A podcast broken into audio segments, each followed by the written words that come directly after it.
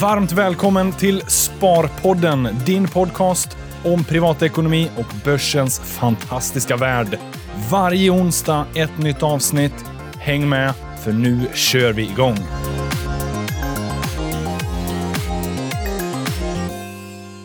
Vi säger hjärtligt välkomna! Sparpodden avsnitt 278 med mig Alex och Med mig Frida. bra.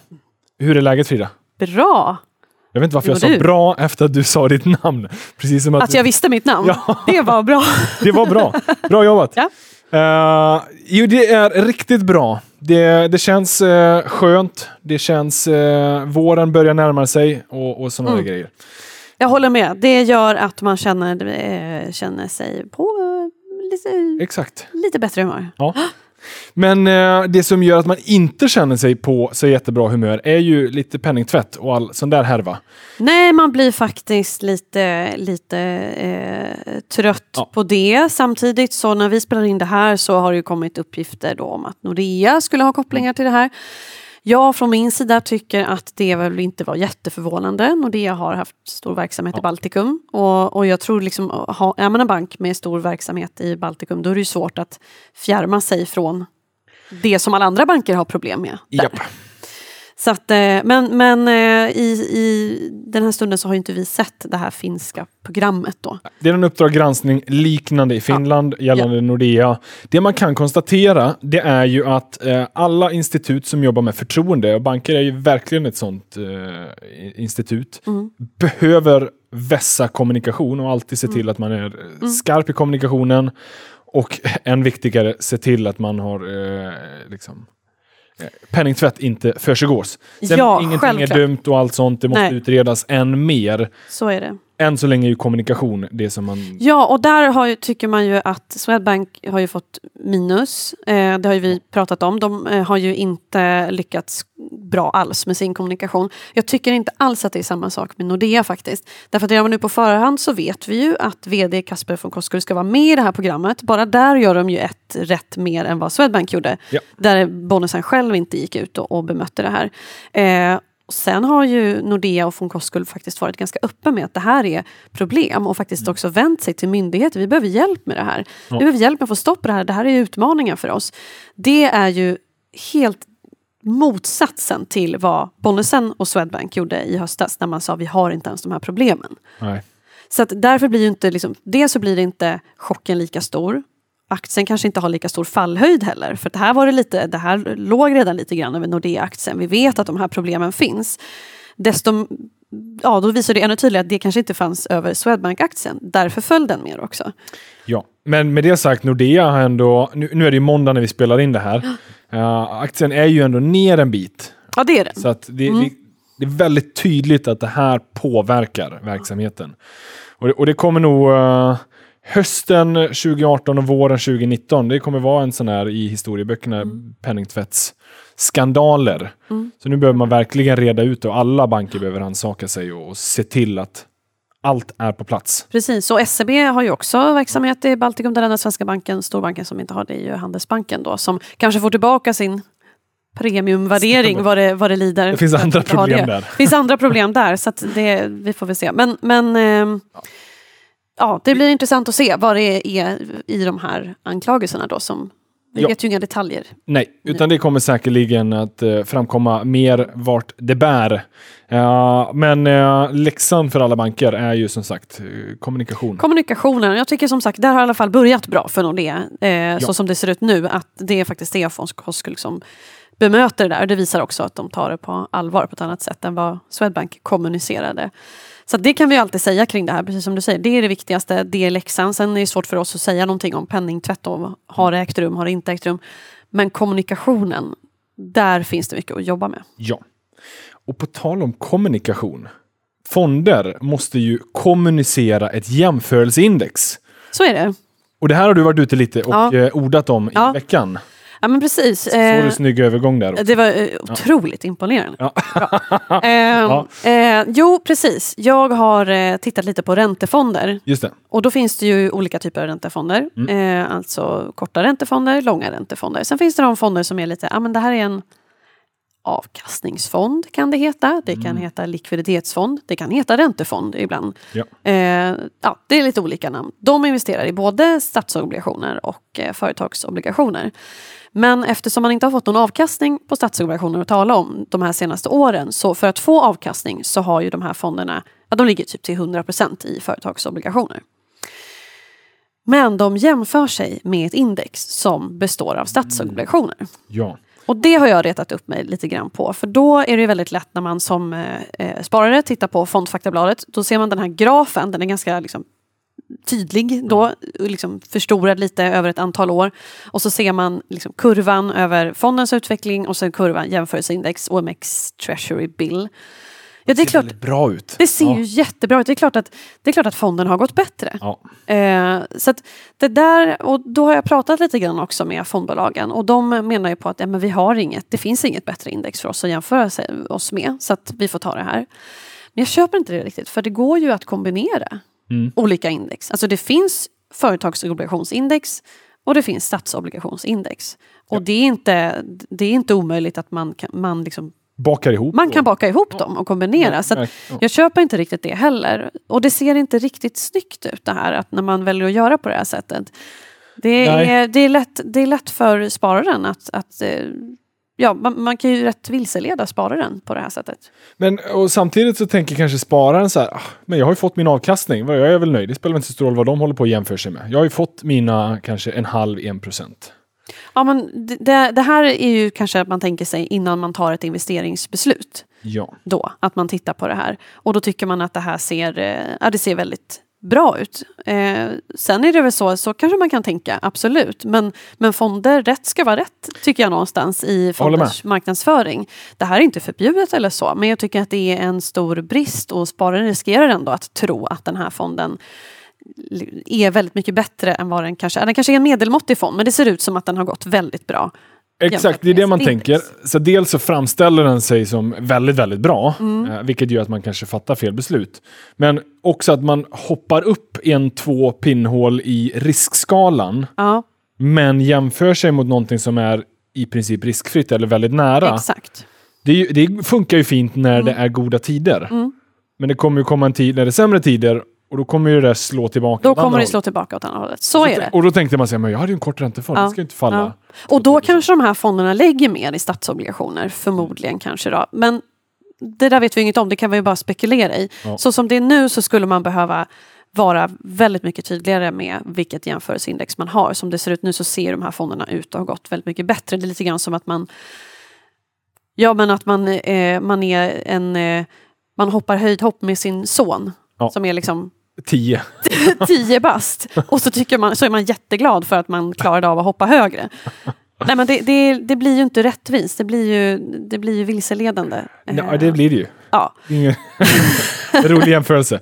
Men, men eh, har du någon känsla för, är det primärt korta räntefonder eller är det räntefonder över hela spektrumet? Nej, det är ju inte korta räntefonder, för det är ju inte de, de här definierar sig ju inte som Ah, penningmarknadsfonder, utan de här är ju eh, en, lite grann en kombination. Men som sagt, ränteläget har gjort att de investerar i företagsobligationer, Mm. alltså i, i credit bonds snarare än, än eh, government bonds. Så att, ehm, de är lite flexibla där och hamnar därför i någon mittfåra. Det som är viktigt och väldigt bra tycker jag nu, det är att, att risken att spararen missförstår vad det här är för fond, det vill säga att man tror att man har köpt en korträntefond och sen så är det företagsobligationer i den. Den är lägre nu för att eh, ja, marknadsplatser som Nordnet exempelvis sorterar inte de här eh, de, under, under eh, korträntefonder. Utan det här sorteras ofta som företagsobligationsfonder. Mm. Då ser det ju ännu konstigare ut att de jämför sig med ett statsobligationsindex i och för sig då. Men, men att det, det, det risken att spararen... Precis. Exakt. Risken att spararen väljer fel för att man på något sätt inte förstår vad det är för risk fonden egentligen tar beroende, och man kanske förvillar sig lite av det här indexet. Då. Den är ju lägre nu för att om man nu tänker så här, jag vill ha en korträntefond och sortera på det, då kommer inte de här fonderna Nej. med. Eh, så det är ju eh, bra i alla Ja, fall. Men den som då tänker, okej de här korträntefonderna, de ger ju ingenting, de ger ju negativ avkastning. Jag vill, jag vill ha lite mer, Mm. men fortfarande åt det säkra hållet. statsobligationsfonder och så hittar man någon där den jämför sig med eh, en statsobligationsränta. Ja. Då kan man ju eventuellt dribbla bort sig. Så där behöver man vara vaksam. Man behöver vara vaksam. Eh, just för att eh, jag tycker mer så här. Det, det blir inte rättvist. Det ser bara ut som att här kan jag få jättemycket mer jämfört med vad jag var. Den här fonden har ju gått jättebra. Vilken skicklig förvaltare. Det är mer så tror jag. Än, att, eh, än att man ska gå och titta på fondkategorin kategorin i sig. Utan jag tror mer att så här, här kan man vilja bort sig för att man tror att här, är, här var förvaltaren extremt skicklig. Ja. Och sen så har det kanske inte varit så utan de har bara gått som företagsobligationsindex. Alltså Ja. som vanliga, ja. Eh, De men att de jämför sig med... tioåring. Exakt. Ja. Ja, men det är bra, bra att du ryter till Frida. Ja. Eh, så att rätt blir rätt. Det kan fortfarande vara så att förvaltarna är jätteduktiga, men de mäts som åtminstone på sin prestation. Inte liksom har fått en extra skjuts. Nej. Eh, Och som sagt, jag köper inte riktigt förklaringen heller. För jag ser inte varför man inte kan jämföra sig med mixat index då. Nej. Men då hävdar man då att då man, eh, skulle man ha ett företagsobligationsindex att jämföra sig med, då får man inte in den ränterisk som finns i statsobligationer. okej. Och det kan jag köpa, men jag förstår inte varför man inte kan mixa det här. Det skulle se snyggare ut tycker jag. Ja. Bra. Ja, men du då Alex, du har ju också tittat på, du har tittat på dina kära investmentbolag. Ja. Berätta, du har jämfört dem med Ja, men det aktiefonder. Det finns alltid mycket roligt. Eh, som bekant eh, för er lyssnare så gillar jag ju investmentbolag. Det är nog få som har undvikit, undgått det där. Eh, men jag gjorde för några veckor sedan gjorde jag en jämförelse investmentbolag och aktiefonder. Vilket verkligen uppmärksammades. Jag skrev Ja, det en gjorde det. debattartikel på det där också. Eh, och, och nu när det har gått några veckor så har jag samlat ihop lite feedbacken och tankarna och reflekterat. Eh, men det är alltid lite kul. Eh, jag ställer ju två stora liksom, grupper mot varandra. Min tanke var så här, okej, många tänker investmentbolag, det är ju typ som en aktiefond. För du får paketet av underliggande bolag eh, och, och liksom, du köper paketlösningen. Det är precis som en aktiefond. Egentligen enda skillnaden är ju att en fond, ja, det är en fondkonstruktion, du betalar en liten förvaltningsavgift, eh, du stoppar in pengar direkt i fonden. Ett investmentbolag, de köper du ju över börsen. Du betalar inte riktigt en förvaltningsavgift, men Det blir någon form av avgift Ja, ändå. det finns ju ja. anställda där som kostar. Det ska, Ja. De ska ha lön på kontoret, eh, eller el på kontoret och, och sådär. Så att det finns ju någonting som slår negativt på resultatet. Så man skulle kunna säga att de är ganska liknande. Så då vill jag se att, eller vill se så här, okej, vilken har presterat bäst då? Gruppen investmentbolag eller hela gruppen aktiefonder? Och, och då gjorde jag som så att jag undersökte alla de svenska investmentbolagen vi har. Jag hade kunnat ta utländska, men dels så har jag inte full koll på alla marknader. Investmentbolag är en relativt svensk förteelse. Eh, det finns liksom, det är en specifik aktiebolagsform som är beskattat på ett specifikt sätt. Så att motsvarigheten finns inte riktigt i alla andra länder, även om det finns konglomerat, alltså ett företag som består av olika affärsben. Men just det här liksom, investmentbolagsbeskattade bolagsformen, den är väldigt svensk. Eh, Så då tog jag alla svenska mot alla svenska aktiefonder. Redan här blir det ju lite skevt. För investmentbolag är typ 17-18 stycken i Sverige. Aktiefonder, det är typ 2500 stycken. Så att det, är- det är två ganska olika storlekar på de här grupperna. ja, verkligen. Eh, och då räknar jag alla aktiefonder i Sverige. Sen kan ju de ha en exponering mot Sverige eller utomlands. Okej, du tog inte bara Sverigefonder då? Nej, Nej. inte bara Sverigefonder.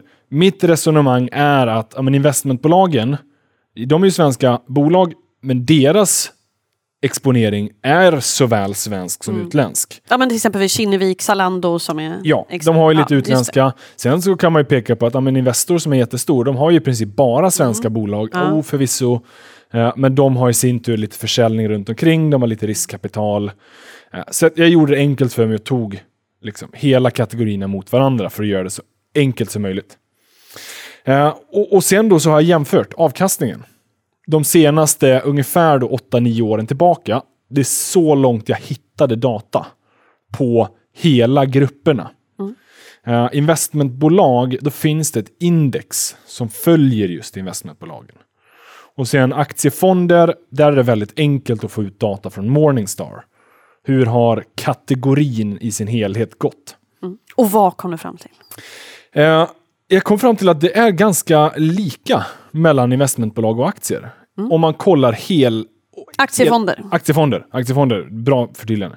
Eh, om man kollar helår, så då tror jag liksom 2011, 2012, 2013 och så vidare.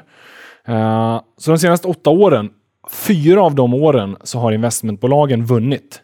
Och fyra åren av de där åtta har aktiefonder vunnit. Så det är oavgjort? Nej. Nej. Investmentbolagen vinner för de åren de har gått bäst har avkastningen varit betydligt mycket högre. Mm. Så slutresultatet blir ganska så betydande. Och de åren fonder har gått lite sämre så har det i vissa fall varit en bit under börsen dessutom. Så att aktiefonder har några år gått bra, men en del år gått mycket sämre än börsen. Så slutresultatet, när man drar ut det, ja, det blir mycket lägre. Och Så- du, det är såklart så att du, du räknar efter att avgiften har dragits. Så, Ja, så. det är det fina med fonder. Eh, när du ser avkastningen på fonder så är det ju alltid exklusive, eller inklusive räknat avgiften, alltså vad det har gått efter att du har betalat avgiften. Just. Den årliga avgiften. Den årliga. Backning i förra podden för att jag sa förvaltningsavgift när jag tidigare sagt att man ska kolla den årliga avgiften. Jag förtydligar det igen. Ja, Årliga årlig avgiften. Men, men eh, med, med just på den där frågan så är det ju så här, ibland så, många kommer ihåg förvaltningsavgift. Ja. Men vi båda förordnar ju år, årlig avgift Ja. för att få en så helhetsbild som möjligt. Precis. Bra förtydligande. Eh, Men investmentbolagen i sin helhet har gått bättre om man slår ut det över hela, hela liksom tidsperioden. Vad säger det då? Vad ska vi säga till eh, lyssnarna tycker du? Är det... Det det egentligen säger är att i, i, i vissa fall så har investmentbolagen varit jättebra. Eh, Det, det som också gjorde det intressant var om man kollar på de bästa versus de sämsta. Eh, Om man slår alla investmentbolagen mot alla aktiefonder så den absolut bästa är ett investmentbolag. Alltså avkastning, totalavkastning efter, säg fem år. Och vilket? Eh, I det här fallet så var det Bure de senaste fem åren. De har haft nästan 400 procent totalavkastning. Fe- senaste fem åren har börsen inklusive utdelning stigit ungefär 50 procent. Så det är väldigt, väldigt bra. Men aktiefonder är fler som har haft en väldigt bra avkastning. Okej. Alla de fem bästa aktiefonderna är bättre än de fyra näst bästa investmentbolagen. Eh, så att de fyra andra investmentbolagen är alltså sämre än de fem bästa investmentbolagen, eller Så, så aktiefonderna. det kanske är lite lättare också tyvärr att träffa fel då. Ja. Mm, om man väljer investmentbolag. Haken med att göra en sån här helhets, liksom, grupperna mot varandra, ja, det blir ju att så här, 2500 aktiefonder. Det finns jättemånga som är supermediokra Mm. och till och med dåliga. Och det är det vi ofta pratar om, att många av aktiefonderna de slår aldrig sitt Mm. jämförelseindex. Och, och, och då kanske de till och med har dåliga jämförelseindex och ändå inte slår dem. Och så ska de ta ut en avgift på det där. Mm. Det är klart att de landar under börsen. Ja. Ja, så att det finns jättebra investmentbolag och jättebra fonder. Ja, det, det vill till att man som sparare ser till att bara läsa på en gång eller två innan man investerar. För det kommer att löna sig i det långa loppet. Mm. Och man kanske inte måste ställa dem mot varandra heller. Nej, man kan jag. komplettera. Ja, Det är eh, investmentbolagen, ja, många av de underliggande har försäljning runt om i, land, eller i världen, men de är ändå ganska Sverige-exponerade. det är så jag tänker också. Så det, kanske är man... man Fonder är eh, jättebra för utländsk Ja, om du vill ha en tillväxtmarknadsexponering så är ju fonder oslagbara. Så att man kanske kan, man behöver inte, det ena behöver inte utesluta det andra. Nej. heter. Nej. Utan de funkar jättebra kompletterande. Mm. Eh, så att det, det ska man definitivt ha med sig. Och, och samma när det kommer till de sämsta. Ja, men de sämsta investmentbolagen, eh, då är det även där det absolut sämsta är ett investmentbolag av både alla aktiefonder och investmentbolag. Mhm. Eh, och det är Ratos. Det har mer än halverats de senaste fem åren. Ingen aktiefond har gått så dåligt. Nej.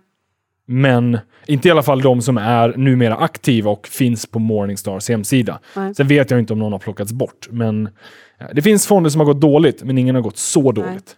Ratos är väl lite, det är väl många som ser Ratos fortfarande, hoppas att det är ett turnaround Ja. case. Eh, Absolut, Ja. eller efter 50 procent så hoppas du nog verkligen det. Hoppas jag verkligen det. Då måste de väl få ordning på, plantagen och lite annat Ja. också innan det kan... Eh, Innan det kan hända. De har skalat bort en del nu, Mm. Rötägg ska man inte säga, men lite fall, fallande grejer. bytt ut vdn i plantagen och sånt. Mm. Och i Ratos några gånger. Mm. Men eh, sen finns det de som vill hävda att Ratos inte är ett investmentbolag och det kan jag köpa också. Eh, men jag tog med det, för många ser det som ett investmentbolag. Absolut. Men eh, så att summa summarum, ja, investmentbolag och aktiefonder, båda är ju bra vettiga investeringar på lång sikt. Eh, jag tycker definitivt man kan använda dem kompletterande.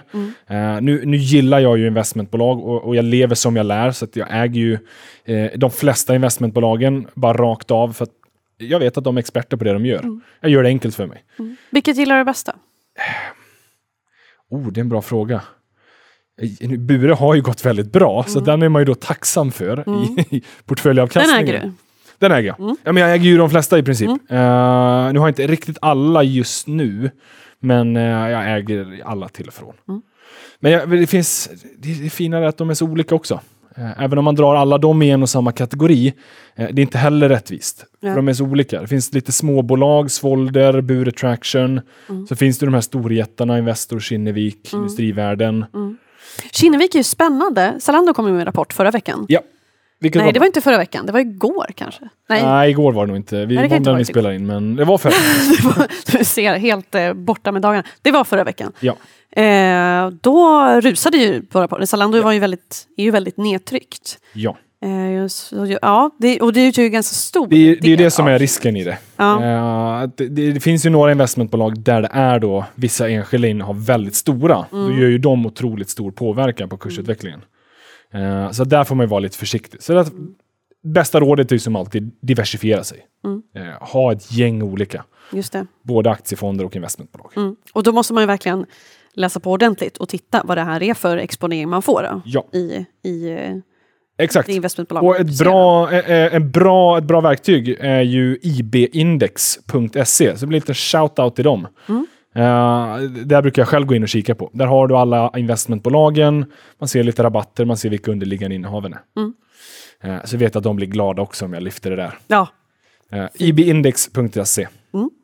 Men det, var, det är kul att göra en sån här jämförelse. Det, det, det uppskattas. Mm. Folk gillar investmentbolag. Eh, och, och jag gillar att folk gillar det. det är du som är en influencer då kanske? Ja, ja, kanske att man har liksom Ja. påverkat lite Ja. i rätt riktning. Ja. Eh, vi, är många investmentbolags fantaster. Mm. Nej men det är, så, så är det ju och det märker man ju. Och eh, Investor är väl är det den mest eh, köpta förra året? Eller Ja, så? Eh, Investor var aktien mest köpta bland. Nordnets kunder Ja. under helåret. Kinnevik var den Kinnevik mest. också. Och då, trots att Kinnevik hade det här, Kristina Stenbeck lämnar styrelsen och Stenbecks-familjen minskar sitt ägande. Ja. Och då ska man kunna tro att det påverkade viljan att köpa Kinnevik ganska mycket. Men det är säkert många som månadssparar också i den här typen av bolag som fortsätter månadsspara oavsett vad som Definitivt. Ja. Och det gick lite halvsvajigt och en del som kanske köper på lite i, Mm. Ja. i, eh, när det går ner. Precis. Kinnevik kommer också följa av en annan, förutom Zalando så är det ju spännande vad som händer med Millicom då. Det blir Ja. ju ingen försäljning av Millicom. Nej. Men eh, de verkar ju lite redo tycker jag. Ja, det verkar Sälja. de. Och Kinnevik generellt sett, de är så här, alla portföljbolagen verkar vara liksom uppe på bordet. Ja, det är till salu det som det är. Ja. Så sånt är ju lite spännande. Det är när spännande. de stökar om. Ja, just det. Och hur ska man eh, hålla koll på det här då, som spar? Om man månadssparar i investmentbolag, måste man hålla koll på det här, vad som händer i... Eh, Ja, det måste man ju givetvis. Jag skulle aldrig förordna någonting annat, men man behöver inte ha superkoll. Eh, Du behöver inte... eh, här, Jag tycker att det är kul att följa dem, Mm. men hela poängen är ju att du har några som är aktiva där. Det är ju som en fond, typ. någon sköter det mesta åt dig. Sen gör du ju rätt i att, okej nu så här, Zalando är 30% av Kinnevik. Så köper du en Kinnevik, då vet du att du får väldigt mycket Zalando. Mm. Då är det bra att du vet det. Så att du inte tror att Zalando bara är en liten del av många andra. Nej, och jag tänker också, köper jag en fond, då har jag ju väldigt stor eh, riskspridning. Och eh, jag tänker att en förändring i ett investmentbolag kan ju faktiskt påverka nästan inriktningen på investmentbolaget. Det beror lite på vilka det är. Tar man de här industrivärden och, och Investor, Mm. Nej, det är lite... där är det Ja. så jädra många och de har liksom en del Electrolux som de kanske haft i hundra år. Ja, Jag vet inte. Det är lite skillnad. Eh, men, men det är... eh, Där blir ju varje innehav väldigt litet. Mm. Men eh, sen finns det de här mer aktiva, som eh, Kinnevik och, och liksom... Ta, Det kanske är Kinnevik jag har i åtanke lite grann. Där då. ja, nej, men Bure har också väldigt mycket exponering mot vissa enskilda. Och Vi- Vitrolife och sen så är det så här Creades, väldigt mycket Avanza. Så det finns ju några där det är en stor exponering. Så då, då behöver man ju vara mer... Mm. Liksom, man, man kan tänka det så här, det är en väldigt aktiv, nischad fond. Just Medan ett Investor och Industrivärden, det är mer indexfonder. Ja. Det är ju jättebra liknelse att Ja. tänka så. Och sen ett traction där det är 50% kassa. Då blir det ju eh, nästan en räntefond. Ja. Med lite, en blandfond skulle man kunna säga. Ja, just det. Och sen finns det huvudstad, nej inte huvudstaden, eh, havs, havskvarnen någonting. Havskvarn. Det är något jättelitet, de äger jag faktiskt inte. Men där är det i princip bara ränteplaceringar. Så det blir som en räntefond. Det är som räntefond. Ja. Eh, vad tycker du man ska eh, akta sig för? Finns det någon varningssignal när man tittar på ett investmentbolag som du tycker, nej men eh, Ja, det, man brukar alltid, eller alltid, men det många pratar om är ju den här substansrabatten. Eh, och det är ju egentligen bara att underliggande värdet på tillgångarna eh, är högre än vad priset är. Så du betalar mindre än vad du får i värde. Då har du en rabatt. I vissa fall slår ju den över. Alltså du betalar mer än vad underliggande kostar. Då betalar du en premie. Så du, du hostar upp 110 spänn för något som är värt 100. det är som att eh, förvaltningsavgiften skulle höjas I, väldigt mycket. jättemycket. Ja. Ja. Men, eh, så det där bör man ju vara lite försiktig med. Det finns anledningar emellan, emellanåt. Förvaltaren, alltså teamet bakom det här investmentbolaget, de är så jädra duktiga. Så att folk är villiga att betala lite premie för att de vet att värdet tycks öka ändå. Men varför är det så att väldigt många, som typ Investor, vad ligger rabatten på? Är det 26 procent? Ja, men där, Ja. 20-25 procent. Varför är det 26 procent rabatt? Om vi nu tycker, tror som du, de vet vad de håller på med, jag kan ligga här och bara månadsspara, jag behöver inte. Det är ju så vi ser på dem, eller hur? Exakt. Att de är experter och proffs. Varför är det 26 procent substansrabatt i dem? Och ofta det man pekar på med rabatt är ju att man, man liksom får hela säcken. Så att du får alla Just innehaven. Man kan inte ta lite stockpicking lite Nej. grann bara. Nej. Du, du kanske gillar 80% av innehaven. Sen ligger lite Ericsson där och så ligger det lite sådana grejer som inte har gått, nu har ju Ericsson gått bra senaste året, men över tiden. Eh, de får du ju bara svälja för att du får ju helhetspaketet. Det motiverar lite rabatt. Eh, sen så kan det ju vara så att det bara är helt noterade innehav. Då, då kan det finnas en rabatt för det. Eh, I vissa fall när det är onoterade innehav i portföljen, då kan det vara en premie för det för att det annars är svårt att komma åt dem. Så då kan man motivera prisskillnaden. Sen kan det ju bara vara så att det är en liksom, handel i marknaden. Den här rabatten skiftar ju över tiden. Så är det väldigt mycket handel i en aktie, ja, men då kanske priset stiger och närmar sig substansvärdet. Medan om den glöms bort lite, det är inte så jättemycket aktivitet, bolaget går bra och levererar ökat substansvärde, ja, men då blir det en större skillnad ifrån substansvärdet. Så, att, så det är svårt att säga en, exakt det här beror det på. Utan det är så många olika faktorer. Men väldigt mycket är det här att man, man får helhetspaketet. Just det. Och är det något innehav som är väldigt, vä- väldigt stort, liksom, då, då vill gärna marknaden ha lite rabatt bara för att ja, få buffert på att det där är väldigt stort. Det är ingen exakt vetenskap, men det är min eh, Ja, känsla det- kring det. Liksom. tycker vi är bra svar. Det är väl ofta så att när det handlar om börsen att det finns inte bara ett svar. Nej. Utan det har massa, massa faktorer som påverkar. Ja, och det är många som eh, liksom forskar och spekulerar kring den här substansrabatten. Och bolagen eh, de vill ju gärna liksom se den där krympa. Eh, och det har funnits lite, mer, lite spännande varianter på det där. Melker Schörling, ett tidigare investmentbolag, de hade så att de alltid löste in på bolagsstämman till substansvärdet. Så att om det var en rabatt kunde man göra en gratisvinst Ja. genom att köpa och sen lösa in aktien till substansvärdet på bolagsstämman. Nu är, nu är det avnoterat, det investmentbolaget. Men det var väldigt effektivt genom att sänka. Så de Just hade i princip aldrig någon rabatt. Hade de det, ja, då tog, köpte ju folk för att kunna lösa in eller ja, om priset nu steg så gjorde de den där vinsten. Eh, Ja, ja, lite om rabatten. Mm. Nej, jag tycker det är spännande, bra att ha diskussion kring. För att, eh, jag tror att många eh, som är lite nyfikna kanske på investmentbolag faktiskt undrar varför det är så. Yes. Och jag tipsar om en eh, tidigare Sparpodden-avsnitt där jag hade med mig Marcus Fridell som har skrivit en bok om det här. Mm. Så att vi, eller vi gjorde den i slutet på höstas. Eh, jag ser till att länka till den i bloggen till det här avsnittet. Där grottade vi oss ner Mm. i en 45 minuter kanske kring investmentbolag. Så där har ni fördjupningen. Mm. Men... eh, Hans bok är bra. Vad sa du? Hans bok är bra. Hans bok är bra. Så den kan vi väl eh, kosta Direkt- oss på och tipsa om. Ja, det tycker jag. Ja. Det tycker jag. Då blir han glad också. Ja. Eh, investmentbolag, det är, det är roligt. Det är roligt. Det, det engagerar. Mm. Det är många som äger det. Absolut. Eh, och tyck till om ni eh, tycker någonting om min undersökning, jämförelsen mellan investmentbolag och aktiefonder. Den rekommenderar vi också Ja, att man går in och läser. det, det rekommenderar jag definitivt. Bra. Ja, men du, eh, härligt. Jag tror att det här var Ja, Sparpodden. Vi får se vad det blir av de här penningtvättsskandalerna. Mm. Eh, precis. Vi har pratat väldigt luddigt kring dem, men det blir Ja. så av natur när det inte är några detaljer och Nej. det är väldigt svårt att som utomstående kunna säga någonting förutom att göra någon slags bedömning av hur man har hanterat ja, och kommunikation. kommunikationen. Precis. är det viktiga. Ja. Härligt! Som alltid, superkul att ha med er lyssnare. Hoppas ni har fått med er lite matnyttig information.